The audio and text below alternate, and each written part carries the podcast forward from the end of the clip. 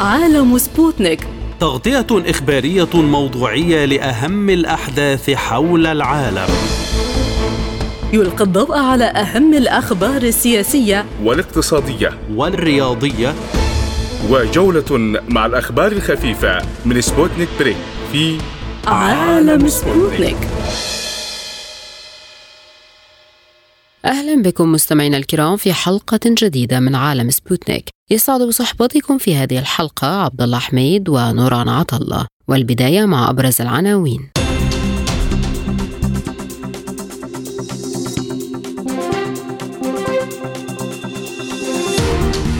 الفريق الروسي يغادر مركز إسطنبول لتصدير الحبوب بعد إعلان روسيا تعليقها العمل بالاتفاق. الحكومة العراقية تطرد سفيرة السويد وتقرر تحشيد الدول الإسلامية والعربية ضد عملية حرق القرآن. تعديلات نتنياهو القضائية تهدد علاقة الجيش الإسرائيلي بالحكومة.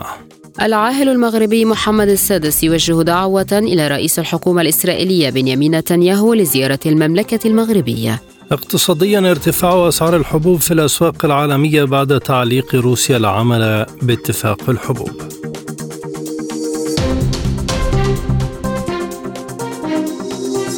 إلى التفاصيل. أعلنت وزارة الدفاع التركية أن الفريق الروسي غادر مركز إسطنبول لتصدير الحبوب بعد إعلان روسيا تعليقها العمل بالاتفاق. وتحذيرها الأطراف المعنية من دخول أي سفينة موانئ أوكرانية. وقالت الوزارة إن الفريق الروسي غادر المركز لكن سيبقى المركز قائما وأنه طوال فترة عمل اتفاق تصدير الحبوب تم تصدير أكثر من 33 مليون طن من الحبوب إلى 45 دولة في ثلاث قارات. وأكدت أنه من أجل استمرار العمل بالاتفاق سيكون هناك تنسيق دائم مع الأمم المتحدة وروسيا وأوكرانيا. يذكر أن المتحدث باسم الكرملين ديمتري بيسكوف أعلن تعليق روسيا صفقة الحبوب اعتبارا من العشرين من الشهر الجاري مؤكدا إمكانية العودة إليها فور تنفيذ الشق الروسي منها. هذا وتقف العقوبات الغربية حجر عثرة على طريق تطبيق الاتفاق حيث تعهدت دول العقوبات بعدم تقييد حركة الصادرات الروسية من الأسمدة والحبوب والزيوت والغذاء فيما تعاقب شركات التأمين وخدمات السفن التي تتعامل مع روسيا ما اضطر موسكو أخيرا لتعليق العمل بالاتفاق. كان الرئيس الروسي فلاديمير بوتين قد أكد أنه يجب إزالة كافة العقبات أمام المصارف الروسية والمؤسسات المالية التي تخدم توريدات الأغذية والأسمدة بما في ذلك الدمج بمنظومة سويفت الدولية للتعامل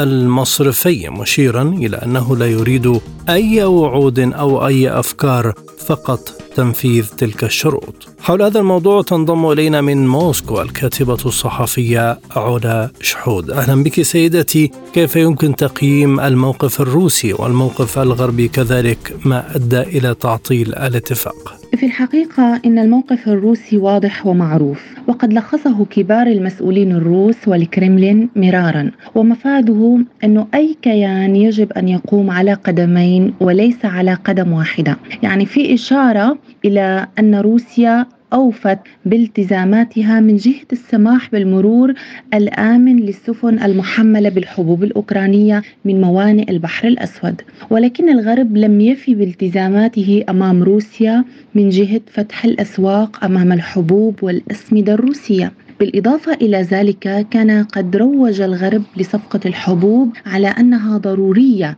لتجنب وقوع مجاعات في العالم.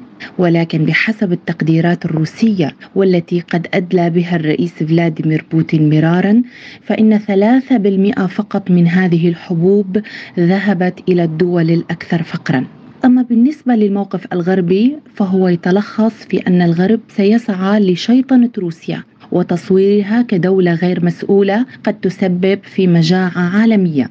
وروسيا ترى هذا غير صحيح هل اختيار موقف التعليق معناه احتمال قريب بالعودة لشرط تنفيذ الشق الروسي من الاتفاق؟ بالتأكيد وإن الناطقة الرسمية باسم وزارة الخارجية الروسية ماريا زخارفا أكدت بوضوح أن روسيا تمنح مدة ثلاثة أشهر للوفاء بمطالبها حتى تعود للعمل بصفقة الحبوب وروسيا تربط العمل بصفقة الحبوب بالوفاء بشرطين رئيسيين أولهما فتح الأسواق العالمية أمام الحبوب والأسمدة الروسية وتوصيل البنك الزراعي الروسي بنظام سويفت العالمي للتحويلات العالمية. هل هناك أي حلول وسط مقترحة لاستئناف الاتفاق؟ الأمر لا يتطلب حلول وسط لأنه يتضمن شروط واضحة. وطالما روسيا أوفت بالتزاماتها فهي تنتظر معاملة بالمثل من الأطراف الأخرى في الاتفاق.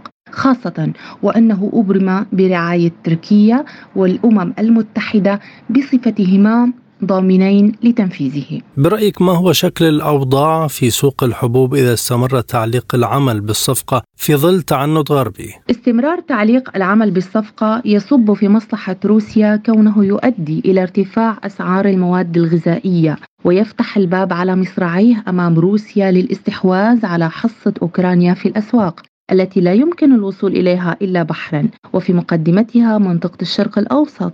بما ذلك مصر التي تعد أكبر مستورد للقمح في العالم وكانت مصر قبل العملية العسكرية الخاصة تعتمد بنسبة 50% على القمح الروسي و30% على القمح الأوكراني. والآن يمكن لروسيا الاستحواذ على حصة أوكرانيا وكانت قد استحوذت بالفعل على جزء منها في العام الماضي.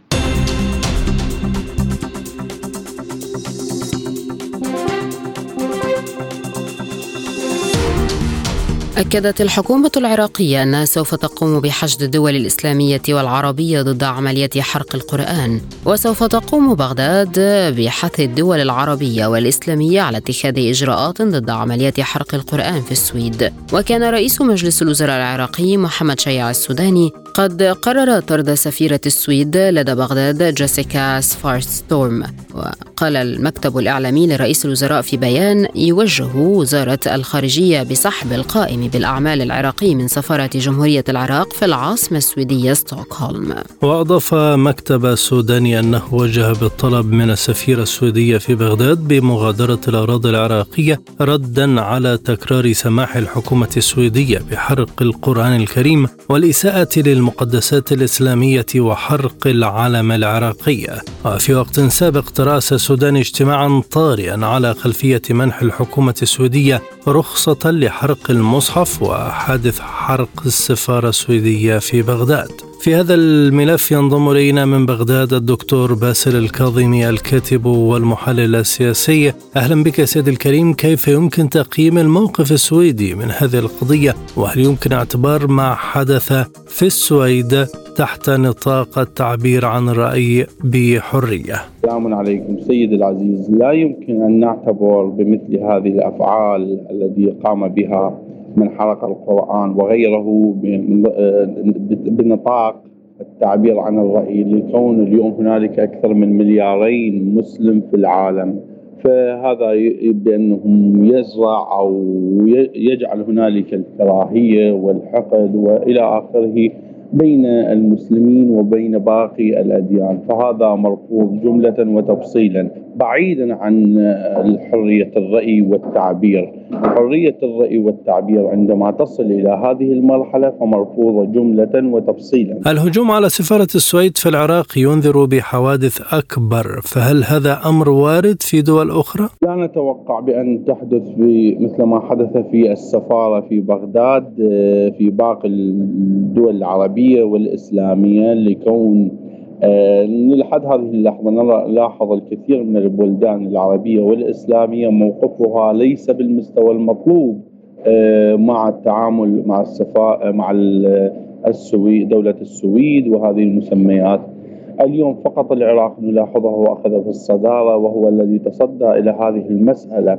أما باقي الدول لا نستبعد بأن تكون بهذا المستوى. من دخول إلى السفارة أو حرق السفارة وهذه المسميات نتوقع منهم بعض الاستنكارات والرفض والشجب أما بأن تصل إلى هذه المرحلة هذه نستبعدها. العراق قرر أن يصعد فهل يعني ذلك أنها ستكون حملة على المستوى الرسمي الإسلامي ضد السويد؟ تحصيل حاصل بأن اليوم العراق بأنهم آه، يصعد في هذه المسألة لكون الحكومة السويدية أو صاحب القرار في السويد لم يضع بعين الاعتبار. يوجد هنالك استخفاف عندما أعطى الموافقة بحرق القرآن وحرق العلم العراقي أمام السفارة العراقية. فاليوم العراق نعم أكيد يصعد بالكثير من الجوانب ما دامت لحد هذه اللحظة. الجانب السويدي لم يتخذ إجراءات بأن يكون هنالك تهدئة ويكون هنالك رد اعتبار إلى العراق. حتى إذا كانت بأن في نطاق حرية الرأي والتعبير فهذا مرفوض جملة وتفصيلا. برأيك هل هناك موجة لمعاداة الإسلام في أوروبا تتصاعد منذ فترة ليست قصيرة؟ أتوقع بأن تكون هنالك موجة لمعاداة الإسلام.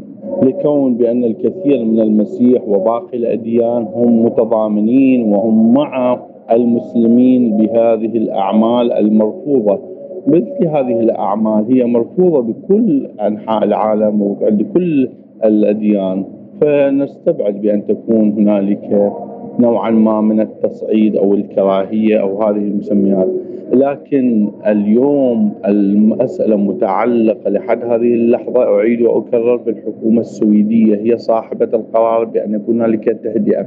أما إن عدنا بأن هل الإسلام أو المسلمين هم الذين بدأوا بهذه المسائل. لا الحكومة العراقية سابقا حذرت عن طريق وزارة الخارجية بعدم إعطاء موافقات بأن تتكرر حرق القرآن لكنها رأينا هنالك عدم الإصغاء وتم إعطاء الموافقات في هذه الجوانب.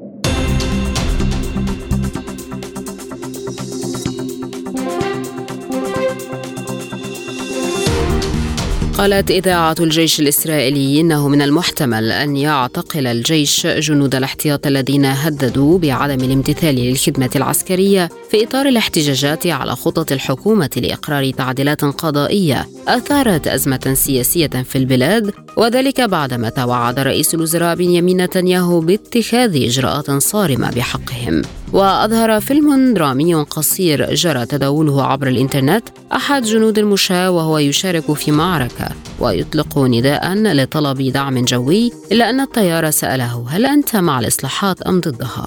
هذا ونشر وزير الثقافة ميكي زهار الفيلم لكنه حذفه لاحقا بعدما استنكره المتحدث باسم الجيش باعتباره يهدف إلى خلق انقسامات داخل الجيش ولم يقدم مكتب المتحدث باسم الجيش أرقام رسمية حول احتجاجات جنود الاحتياط. لكن إذاعة الجيش قالت إن معظم هؤلاء من القوات الجوية. ووفقا لمحاربين سابقين فإن هؤلاء يشكلون نحو نصف قوام القوات التي يتم إرسالها في طلعات قتالية. وقال نتنياهو إن الحكومة ستتخذ إجراءات حيال ما وصفه بالعصيان بين الجنود والذي اعتبر أنه يشجع أعداء إسرائيل على مهاجمتها ويقوض الديمقراطية من القاهرة ينضم إلينا دكتور أحمد فؤاد أنور الأكاديمي المصري وخبير في الشؤون الإسرائيلية آه، بعد التحية يعني هل وضع الجيش الإسرائيلي تتهدده المخاطر في ظل امتناع جنود عن العمل؟ نظرا لأن إسرائيل تقوم على جدارة القوى العسكرية وحيث أن هذه القوى العسكرية ترتكز في الأساس على قوة الاحتياط واستدعاء المدنيين للخدمة بوصف أنهم سبق لهم التدريب وسبق لهم الخدمة العسكرية ولديهم خبرات.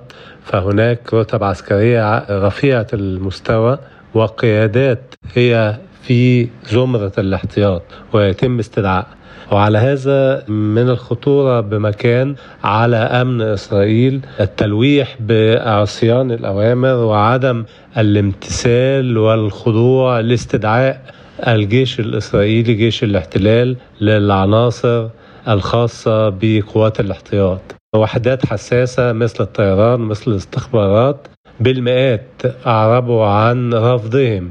للامتثال والانصياع لأوامر الاستدعاء مستقبلا وهذا مما لا شك فيه سيؤثر خاصة في سلاح الطيران بوصف أن آه، هذا السلاح لديه عمليات آه، بالغة الحساسية ومتشابكة والوقت والعناصر فيه محدودة للغاية. فبالتالي ملاحين المراقبين قيادات في هذا السلاح وقد أعرب بالفعل 161 عنصر طيار وقيادي في سلاح الطيران. اعتزامهم عدم الامتثال والخضوع لأوامر الاستدعاء. هذه الأمور كانت محل انزعاج كبير على مستوى وزير الدفاع على مستوى رئيس الأركان. تم إبلاغ هذا الانزعاج للكنيست وتم إبلاغ ذلك لرئيس الوزراء وتمت مناشدة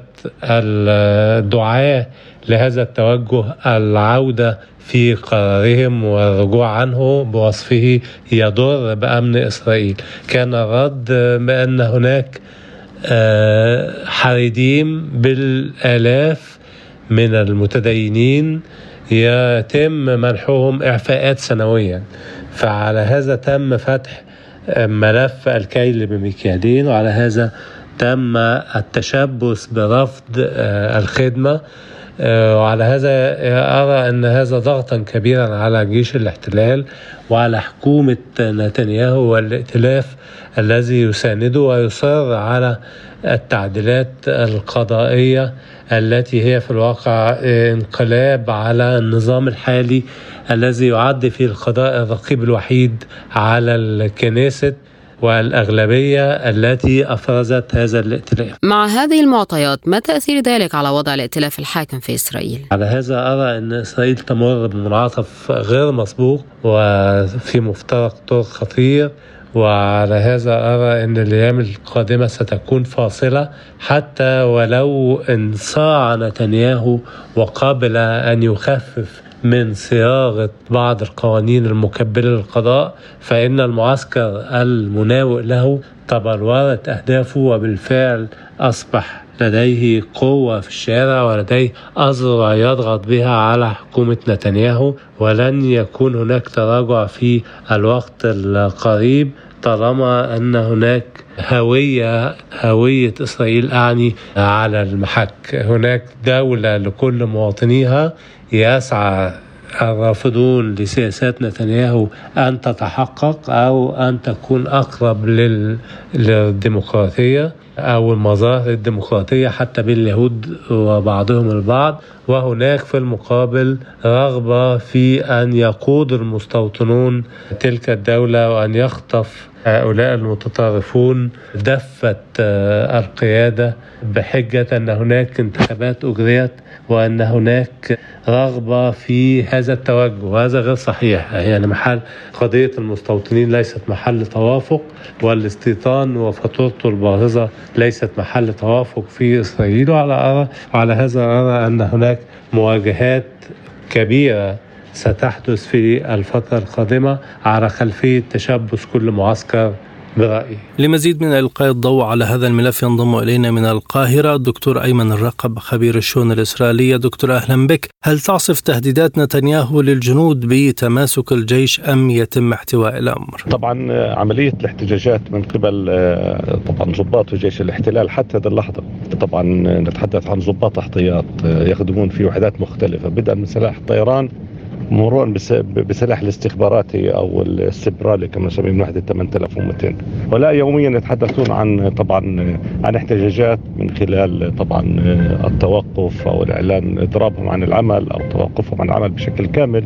وهذا كله باحتجاجات على إصرار نتنياهو على أن طبعا أن يفرض ما يطلق عليه بالنسبة لنتنياهو لاصلاح القضاء وتطلق عليه المعارضة الانقلاب القضائي.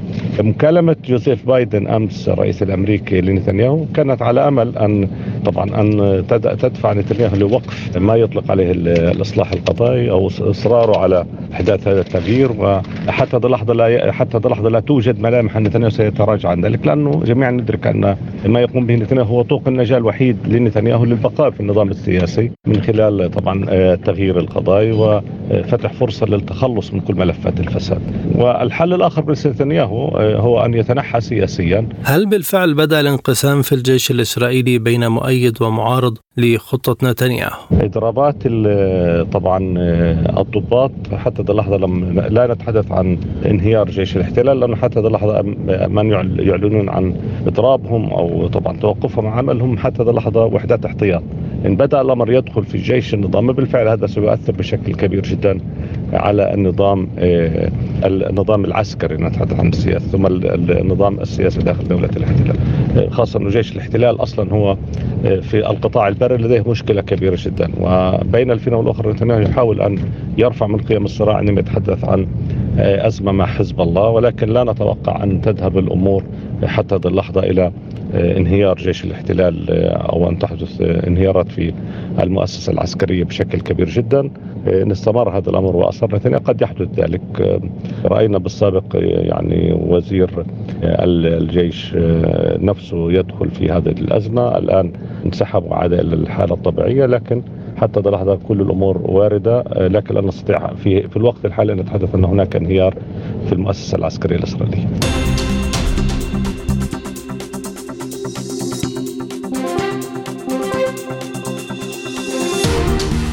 أعلن مكتب رئيس الوزراء الإسرائيلي بنيامين نتنياهو أن العائلة المغربية الملك محمد السادس وجه دعوة إلى نتنياهو لإجراء زيارة رسمية للمغرب. وجاءت الدعوة عقب اعتراف إسرائيل بسيادة المغرب على الصحراء الغربية المتنازع عليها. وقالت وكالة الأنباء المغربية ماب إن الملك محمد السادس بعث برسالة شخصية لرئيس الوزراء الإسرائيلي شكر فيها إسرائيل على موقفها. وأضاف أن زيارة نتنياهو ستفتح آفاقا جديدة للعلاقات الثنائية بين المغرب وإسرائيل. وأضاف أن الزيارة ستكون أيضا فرصة لتعزيز آفاق السلام لجميع شعوب المنطقة مع الأخذ في الاعتبار مضمون الإعلان الثلاثي الموقع في الثاني والعشرين من ديسمبر كانون الأول 2020 بين المملكة المغربية والولايات المتحدة وإسرائيل بما في ذلك المبادئ التي ينبغي أن توجه تسوية الصراع الإسرائيلي الفلسطيني. وجاء في بيان مكتب نتنياهو أن مستشار الأمن القومي الإسرائيلي تساحي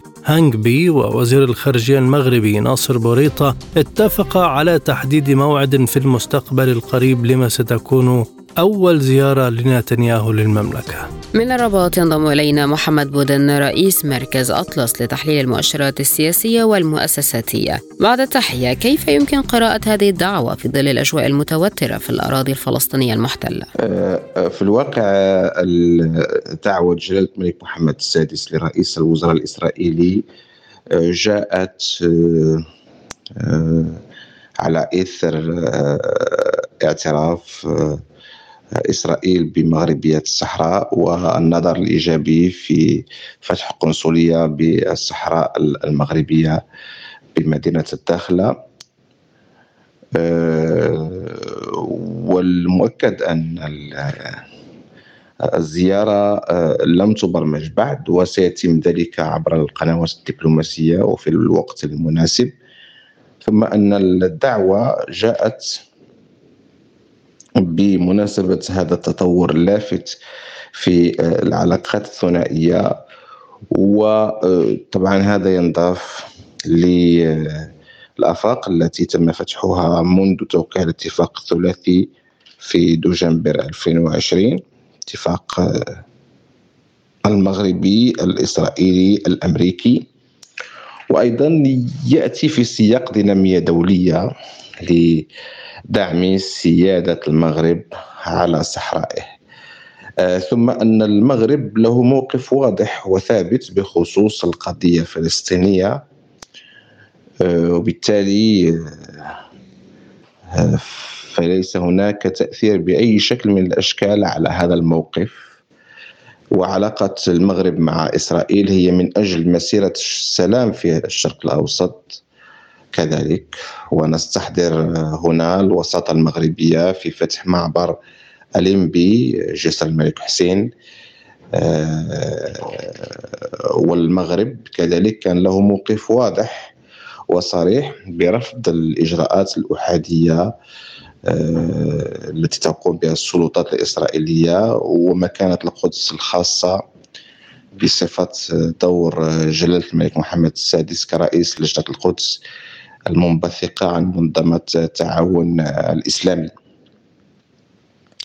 ثم آه، لابد من الإشارة إلى أن الدعوة التي وجهها جلالة الملك لرئيس الوزراء الإسرائيلي بنيامين نتنياهو ليست هي الدعوة الأولى التي يتلقاها مسؤول إسرائيلي من قادة دول عربية أو إسلامية وقد سبق لرؤساء وزراء زاروا مصر والأردن وسلطنة عمان. وسيكون نتنياهو في زيارة لتركيا في نهاية شهر يوليوز الجاري. وقد سبق لرئيس إسرائيل ورئيس الوزراء السابق آه، أن زار الإمارات والبحرين. من أجل طبعا آه، بحث فرص تنشيط عملية السلام بحكم أن هذه الأطراف آه، لها مساهمات كبيرة في البحث عن حلول سلمية في الشرق الأوسط وعلاقتها بالأطراف والمغرب كذلك يعني له هذه المكانة بحكم علاقاته مع الإسرائيليين والفلسطينيين.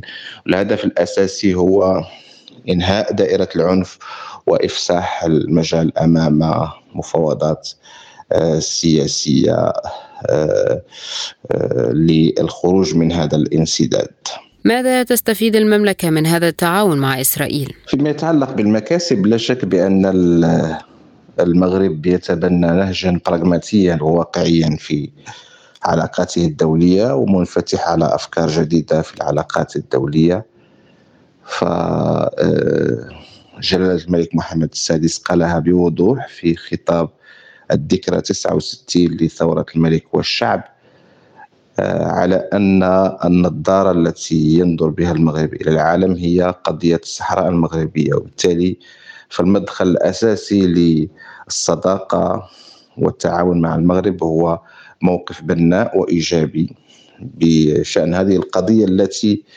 آه، تمثل أولوية وطنية بالنسبة للمغاربة ملكا وشعبا. ولهذا فأعتقد أن هذا هذا أول مكسب وأكبر مكسب وهو دعم سيادة المغرب على صحرائه.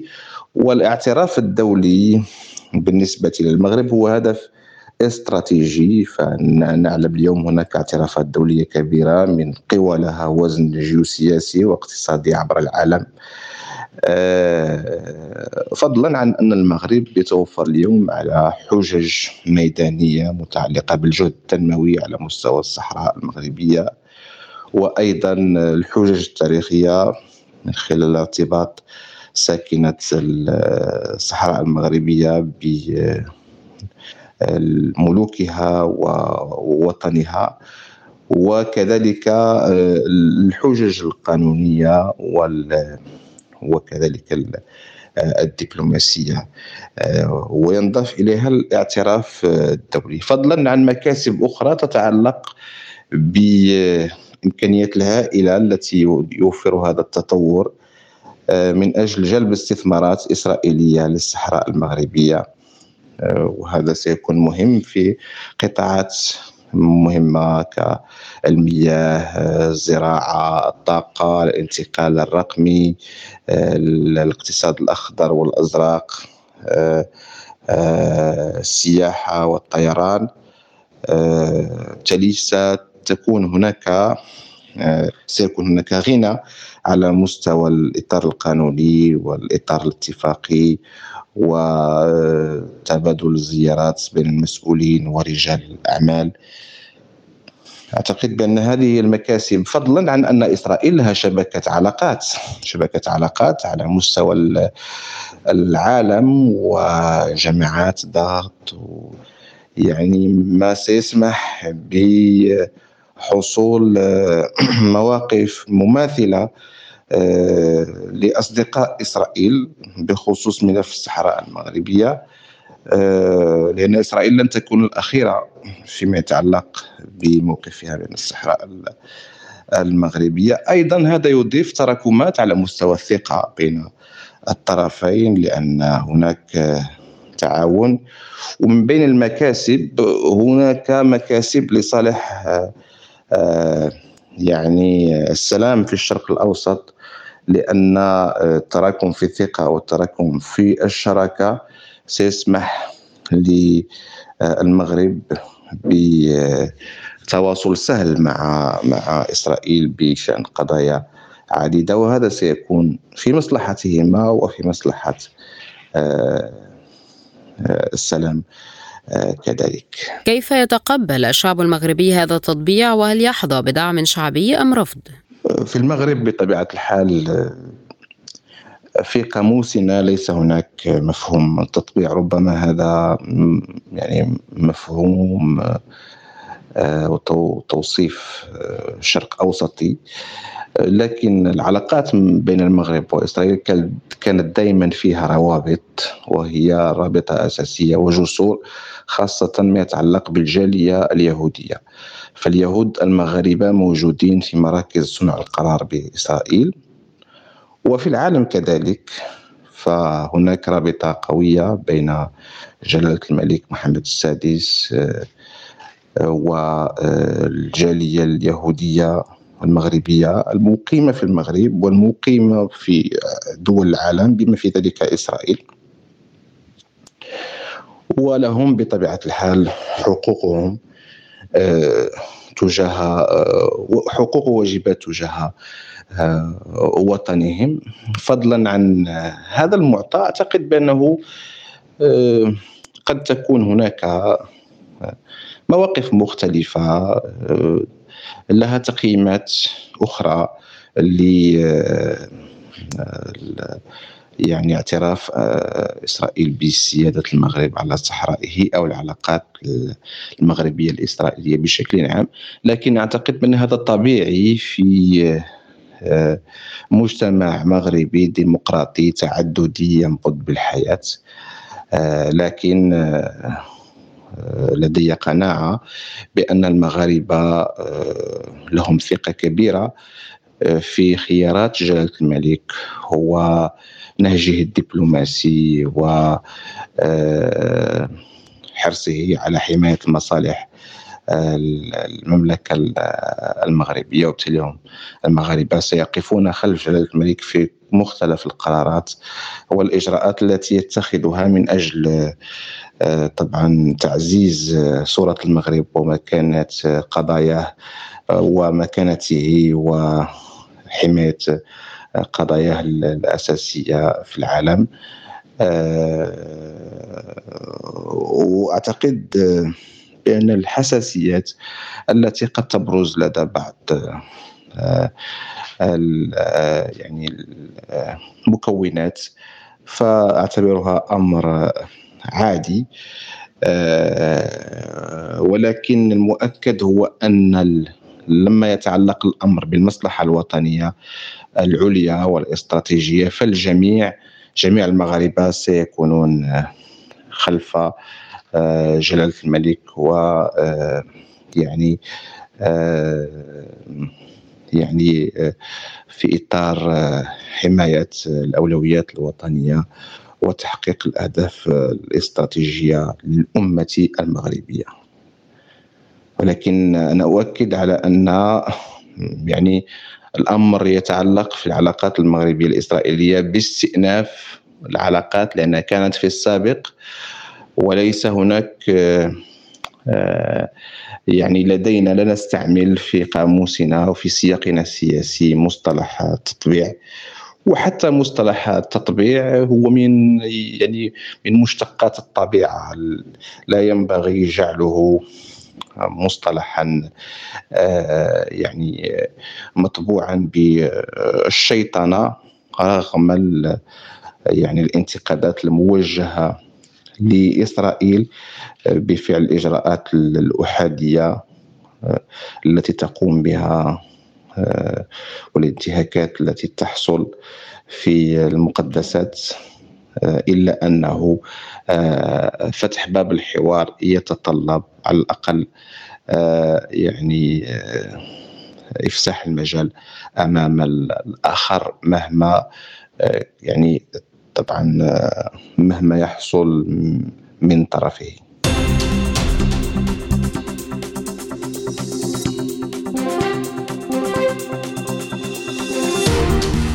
صعدت أسعار القمح أكثر من 10% خلال الأسبوع الحالي في ظل مخاوف تراجع الإمدادات بسبب التهديدات المتزايدة. على تجارة الحبوب في البحر الأسود ذلك بعد إعلان روسيا هذا الأسبوع.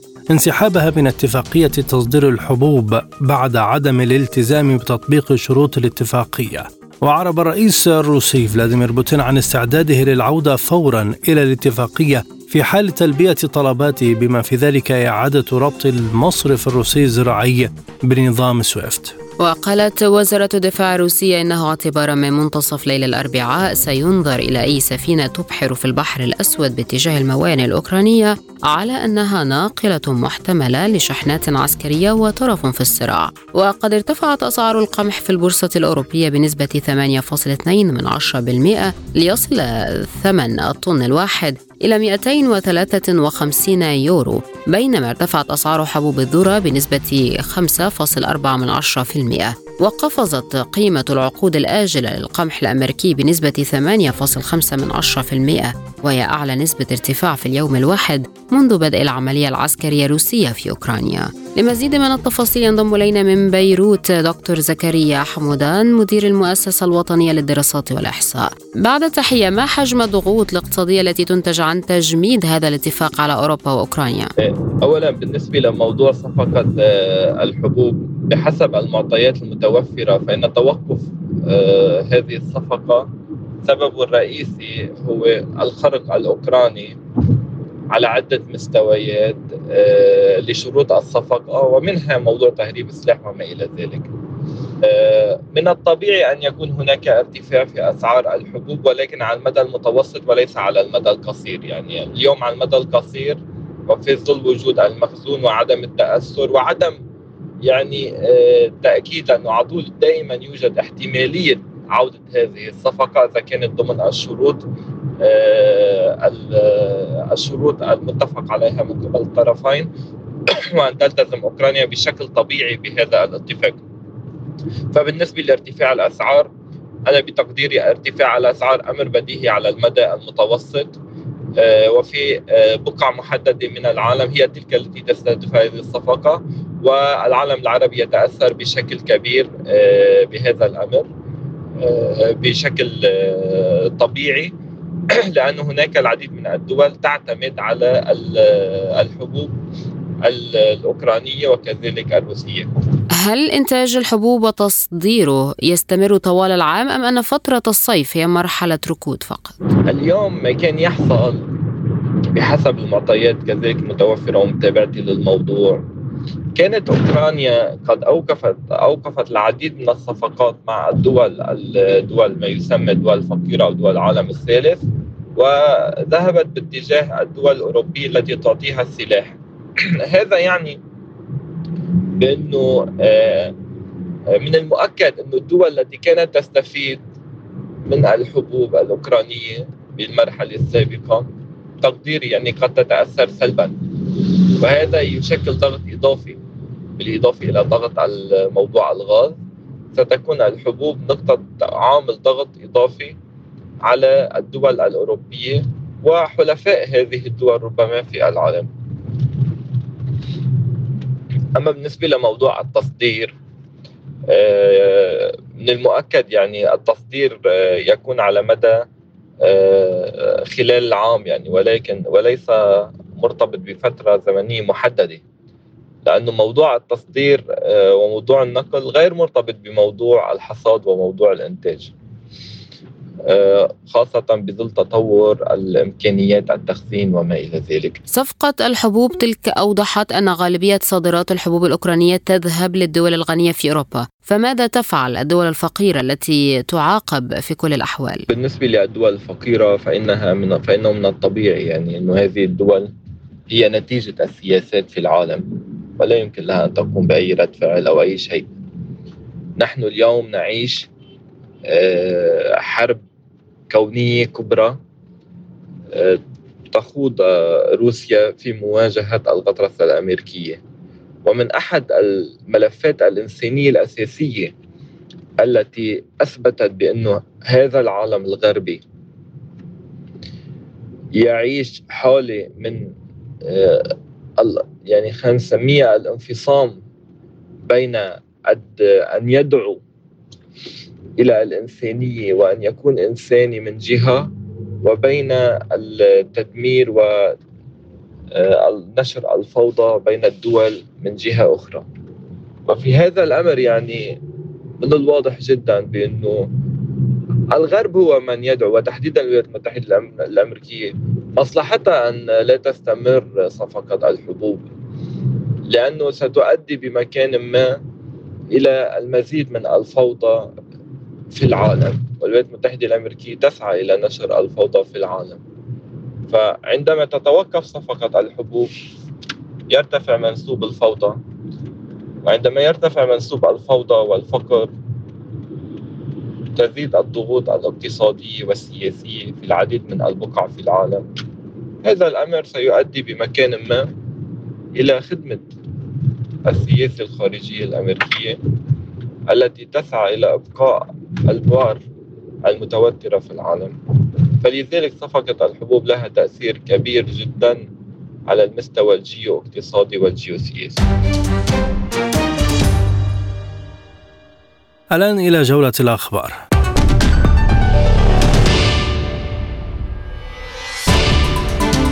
أجرت مجموعة من سفن أسطول البحر الأسود الروسي مناورات على عزل المنطقة المغلقة مؤقتا أمام الملاحة في البحر الأسود واحتجاز السفن المخالفة.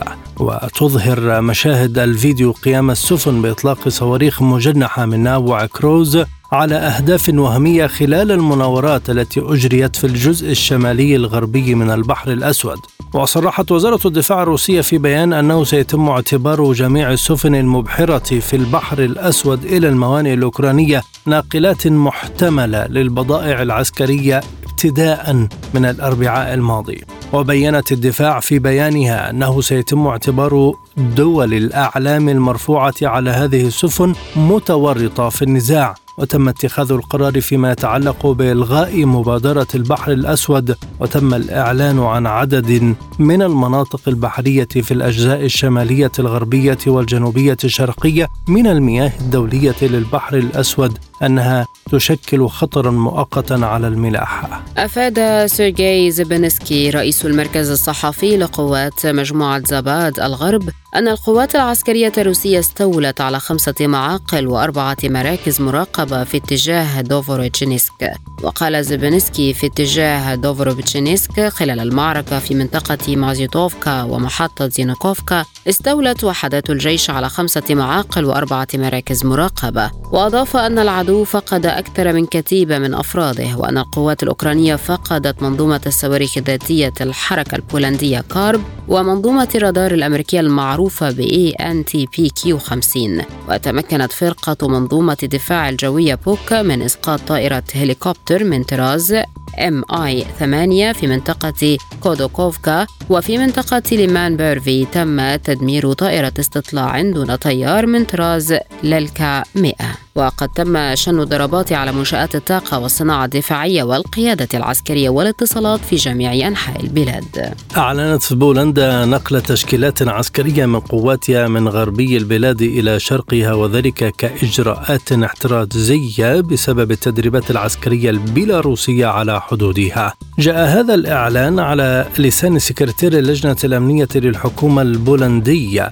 زينجيو هوفمان قال خلالها إن وزير الدفاع الوطني البولندي قرر نقل التشكيلات العسكرية من غربي البلاد إلى شرقها. وتابع بالقول إن التدريبات المشتركة للجيش البيلاروسي ومجموعة فاغنر هي بلا شك استفزاز وأعلنت الخدمة الصحفية في وزارة الدفاع البيلاروسية أن الجيش البيلاروسي إلى جانب مقاتلي مجموعة فاغنر سيعملون على مهام تدريب قتالي في ساحة تدريب جنوبي غربي بيلاروسيا في غضون أسبوع. تجددت الاشتباكات العنيفة بين الجيش السوداني وقوات الدعم السريع في مدن العاصمة الثلاث الخرطوم وام درمان والخرطوم بحري ومدينة الأبيض غربي البلاد. وقد سمع عدوي انفجارات قوية وقصف مدفعي وجوي شمال شرقي المدينة الرياضية وأرض المعسكرات بمنطقة سوبا جنوب الخرطوم بالتزامن مع تحليق مكثف لطيران الجيش في سماء الخرطوم وأم درمان بينما ردت مضادات الدعم السريع.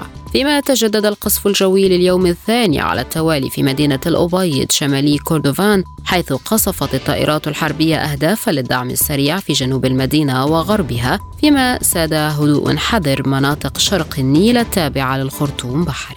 أعرب الأزهر الشريف عن إدانته واستنكاره لما تمارسه السلطات السويدية من استفزازات متكررة في حق المقدسات الإسلامية. تحت شعار حرية التعبير الزائف مشددا على أن ما تقوم به السلطات السويدية من منح موافقات لحرق نسخ من المصحف يعكس تطرفا بغيضا ودعما للإرهاب ومعاداة للمسلمين. وشدد الأزهر في بيان على أن التسامح بحرق نسخة من المصحف يمثل جريمة بحق الإسلام وحق الأديان والإنسانية وعصمة عار على جبين هذه المجتمعات. كما دعا الأزهر الشعوب العربية والإسلامية لاستمرار مقاطعة المنتجات السويدية واستمرار اتخاذ مواقف موحدة وجادة تجاه سياسات السويد المعادية للإسلام والمسلمين والتي لا تحترم مقدسات الأديان ولا تفهم إلا لغة المال والمصالح المادية.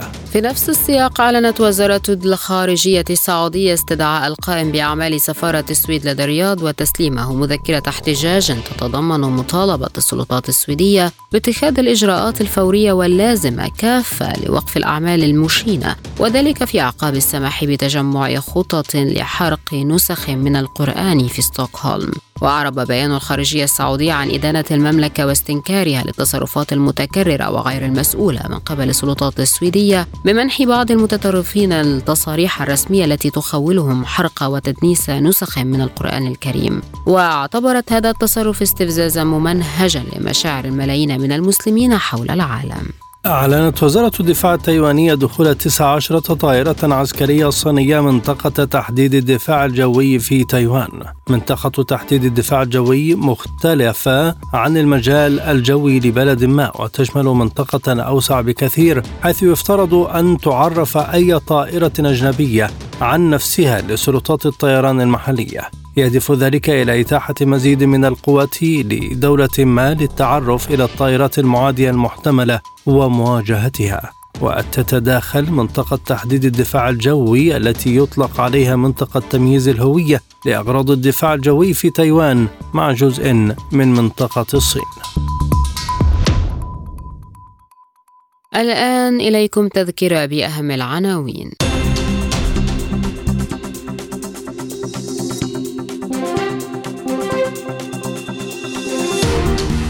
الفريق الروسي يغادر مركز اسطنبول لتصدير الحبوب بعد إعلان روسيا تعليقها العمل بالاتفاق. الحكومة العراقية تطرد سفيرة السويد وتقرر تحشيد الدول الإسلامية والعربية ضد عمليات حرق القرآن. تعديلات نتنياهو القضائية تهدد علاقة الجيش الإسرائيلي بالحكومة. العاهل المغربي محمد السادس يوجه دعوة إلى رئيس الحكومة الإسرائيلية لزيارة المملكة المغربية. اقتصاديا ارتفاع أسعار الحبوب في الأسواق العالمية بعد تعليق روسيا العمل باتفاق الحبوب. الآن إلى جولة في أخبار الاقتصاد.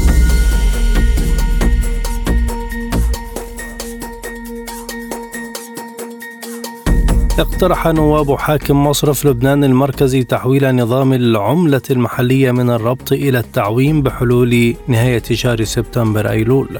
يأتي ذلك بعدما خفض البنك المركزي اللبناني في فبراير شباط سعر الليرة اللبنانية الرسمي من 1500 للدولار المطبق منذ فترة طويلة إلى سعر جديد يبلغ 15 ألف ليرة للدولار. ومنذ بدء الانهيار الاقتصادي في عام 2019 فقدت الليرة أكثر من 98% من قيمتها في السوق الموازية واجتمع نواب حاكم مصرف لبنان مع أعضاء في البرلمان واقترحوا التحول إلى تعويم سعر الصرف بطريقة مدارة فيما ذكرت الوثيقة أن المصرف سيقوم بإعداد القواعد واللوائح اللازمة لتحويل سعر الصرف إلى نظام عائم بحلول نهاية سبتمبر أيلول عام 23 مع القدرة على التدخل عند الضرورة. صعدت أسعار الغاز الطبيعي الأوروبي وسط تركيز المتعاملين على تأثير الحرارة الشديدة في أجزاء من القارة على الأسواق، بالإضافة إلى المخاوف بشأن الإمدادات القليلة التي تصدرها روسيا إلى المنطقة. وارتفعت العقود المستقبلية المعيارية 3.9% بعد جلسة شهدت تقلبات شديدة في الأسعار وتستمر درجات الحرارة المرتفعة في أجزاء من المنطقة والمنافسة العالمية على الغاز الطبيعي المسال في إعطاء دفعة للأسعار برغم عودة التدفقات من النرويج أكبر موردة أوروبية للغاز إلى المستويات التي شوهدت آخر مرة في أبريل في أبريل الماضي. إلى جانب ذلك من المقرر إجراء المزيد من أعمال الصيانة الموسمية في النرويج خلال الشهر المقبل وستراقب السوق عن كثب جدول الصيانة بعدما تسببت التأخيرات غير المخطط لها بالفعل في تقلبات شديدة في يونيو تبين أداء الأسهم الآسيوية بعد تراجع الأسهم وسندات الخزانة الأمريكية وسط مؤشرات جديدة على مرونة سوق العمل في الولايات المتحدة التي يمكن أن تدعم التوجه نحو زيادة أخرى في أسعار الفائدة خلال العام الجاري. تقلبت الأسهم في اليابان ما بين ارتفاع وانخفاض فيما تراجعت الأسهم في كوريا الجنوبية وأستراليا وتحولت المؤشرات الرئيسية في هونغ كونغ والبر الرئيسي للصين إلى مكاسب حيث سجلت أسهم الشركات المرتبطة بالنشاط الاستهلاكي أفضل أداء على مؤشر شنغهاي شنزن بعدما أعلنت الحكومة الصينية عن بعض الإجراءات لدعم الاستهلاك بما في ذلك شراء الأجهزة المنزلية والسيارات وجرى تداول العقود الآجلة للأسهم الأمريكية ضمن نطاق ضيق بعدما سجل مؤشر نازداك 100 الذي تغلبت عليه أسهم شركات التكنولوجيا يوم الخميس أكبر خسارة يومية منذ ما يقرب. من خمسة أشهر. صرح وزير الصناعة والتجارة والتموين والعمل الأردني يوسف الشمالي بأنه لا يمكن ربط الحد الأدنى للأجور بمعدلات التضخم. وقالت وكالة عمون إن تصريحات الشمالي جاءت في جلسة حوارية مع طلاب جامعات إقليم الشمال في جامعة اليرموك حيث أوضح أن هناك زيادة سنوية مقررة للقطاعين العام والخاص. وأشار الوزير الأردني إلى أن الأمان الوظيفي غير موجود في القطاعين العام والخاص لمن لا يمتلك الكفاءة وأن الحد الأدنى للأجور تم تثبيته عند 260 دينارا لمن لا يمتلك أي مهارة. ودعا الإشمالي الأشخاص الذين يبحثون عن عمل إلى التسجيل في برنامج التشغيل الوطني وأفاد بأن أكثر من 24 ألف شخص تم توظيفهم من خلال البرنامج. وأضاف الوزير بأنه تم تخفيض أسعار الطاقة في بعض القطاعات وتغطية كلف كلفة زيادة فواتير الطاقة لمدة شهرين مشيرا إلى أن صندوق دعم الصناعات سيدعم أكثر من ألف مصنع أردني. تباطأ ارتفاع الأسعار في المغرب خلال يونيو للشهر الرابع على التوالي. حيث بلغ معدل التضخم السنوي 5.5% وفق البيانات التي أصدرتها المندوبية السامية للتخطيط وهي الهيئة الحكومية المكلفة بالإحصاءات. كان معدل التضخم قد وصل 10.1% في فبراير الماضي قبل أن يبدأ تراجعه التدريجي إلى 7.1% في مايو بعدما سجل 6.6 كمعدل وسطي سنوي خلال 2022 وقالت المندوبية إن تضخم الأسعار في يونيو جاء مدفوعا بارتفاع أسعار المواد الغذائية بنسبة 12.7% على أساس سنوي وهي نسبة منخفضة قياسا إلى تلك المسجلة في مايو والبالغة 15.6% في وقت وصلت نسبة الزيادة في أسعار المواد غير الغذائية إلى نحو فاصل 6 من 10%. الآن إلى الأخبار الرياضية. تكبد نادي النصر السعودي خسارة ثانية على التوالي في معسكره التحضيري للموسم الكروي المقبل بالبرتغال. وجاءت هذه المرة أمام بطل الدوري البرتغالي نادي بنفيكا بنتيجة 4-1 وتلقت شباك العالمي الذي يقوده كريستيانو رونالدو تسعة أهداف في مباراتين وذلك بعد خسارة المباراة الأولى أمام سلتا فيغو الإسباني بخماسية نظيفة. وكان النصر قد فاز قبل ذلك على فايرينزي الصاعد حديثا للدوري البرتغالي 5-1 وانتصر 2-0 في وديته الأولى على فريق الفيركا البرتغالي الذي يلعب في الدرجة الثالثة. أكد موقع فوت ميركاتو اجتياز النجم الجزائري رياض محرز للفحص الطبي في باريس قبل الإعلان الرسمي عن انتقاله إلى نادي الأهلي السعودي.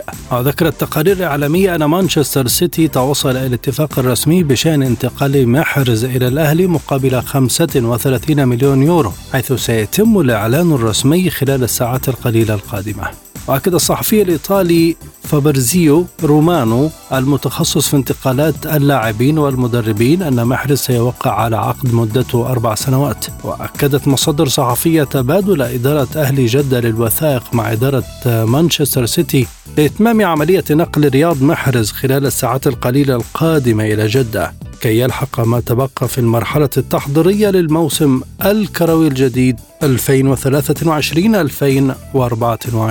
كشفت صحيفة ليكيب الفرنسية أن السنغالي ساديو ماني مهاجم بايرن ميونخ وافق على الانضمام إلى النصر السعودي الذي يلعب فيه الثلاثي العالمي كريستيانو رونالدو سيكو فوفانا ومارسيلو بروزوفيتش. وأضافت اليومية الفرنسية أن الانتقال لم ينتهي بعد بشكل كامل لكن اللاعب وافق على ذلك من حيث المبدأ. يأتي ذلك في وقت أكدت فيه تقارير صحفية أن ماني طلب راتبا سنويا قدره 50 مليون دولار من أجل الانتقال للعالمي خلال فترة الانتقالات الصيفية الحالي. وصرح توماس توخيل مدرب بايرن ميونخ في وقت سابق بشأن ساديو ماني قائلا موسمه الأول في بايرن ميونخ لم يكن مرضيا على الإطلاق. لم يرقى إلى مستوى التوقعات على الإطلاق كجناح يساري المنافسة هائلة بالنسبة لساديو. سيكون الأمر معقدا في الأشهر المقبلة. شهد التصنيف الجاري للمنتخبات الذي أعلنه الاتحاد الدولي لكرة القدم فيفا عن تراجع منتخب المغرب على المستوى العالمي واحتفاظه بالمركز الأول إفريقيا وعربيا. وترجع منتخب المغرب للمركز الرابع عشر لكنه احتفظ بعرش صدارة القارة الإفريقية متقدما على وصيف السنغالي صاحب المركز الثامن عشر عالميا. وتلاهما تونس في المرتبة الثالثة أفريقيا والمركز الحادي والثلاثين عالميا. واحتفظ منتخب الجزائر ومصر بالمركزين الرابع والخامس افريقيا والمرتبتين الثالثة والثلاثين والرابعة والثلاثين عالميا على التوالي. أما أسيويا فقد احتفظ المنتخب السعودي بصدارة المنتخبات العربية في القارة الآسيوية رغم تراجعه إلى المركز الرابع والخمسين عالميا. تلته منتخبات قطر والعراق والإمارات وعمان. الآن إليكم مجموعة من الأخبار الخفيفة وسبوتنيك break.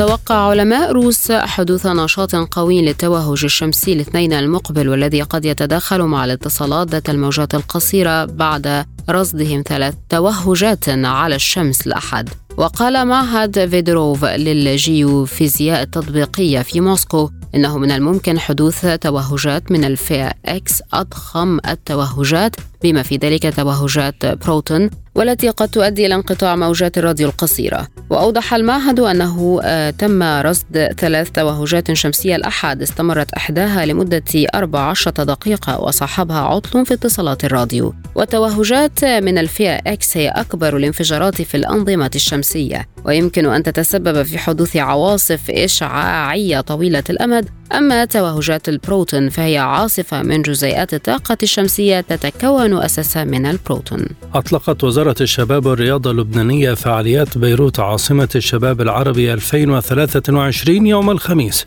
حضر الحفل ستون شابة وشاب يمثلون ست عشرة دولة عربية. ويشاركون في المنتدى العربي للتمكين الاقتصادي والاجتماعي الذي تنظمه وزارة الشباب والرياضة ومنظمة يونيسف في لبنان وهو أول نشاط من ضمن أنشطة بيروت عاصمة الشباب العربي 2023 وقال وزير الشباب والرياضة اللبناني الدكتور جورج كلاس إن أهمية هذا الحدث هو خلق مساحة للقاء تفاعلي هي بتنوعها الثقافي والديني والحضاري.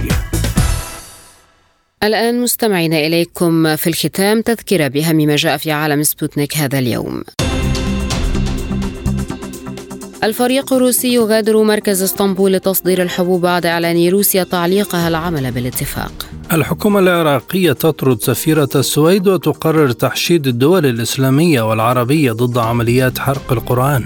تعديلات نتنياهو القضائية تهدد علاقة الجيش الإسرائيلي بالحكومة. العاهل المغربي محمد السادس يوجه دعوة إلى رئيس الحكومة الإسرائيلية بنيامين نتنياهو إلى زيارة المغرب.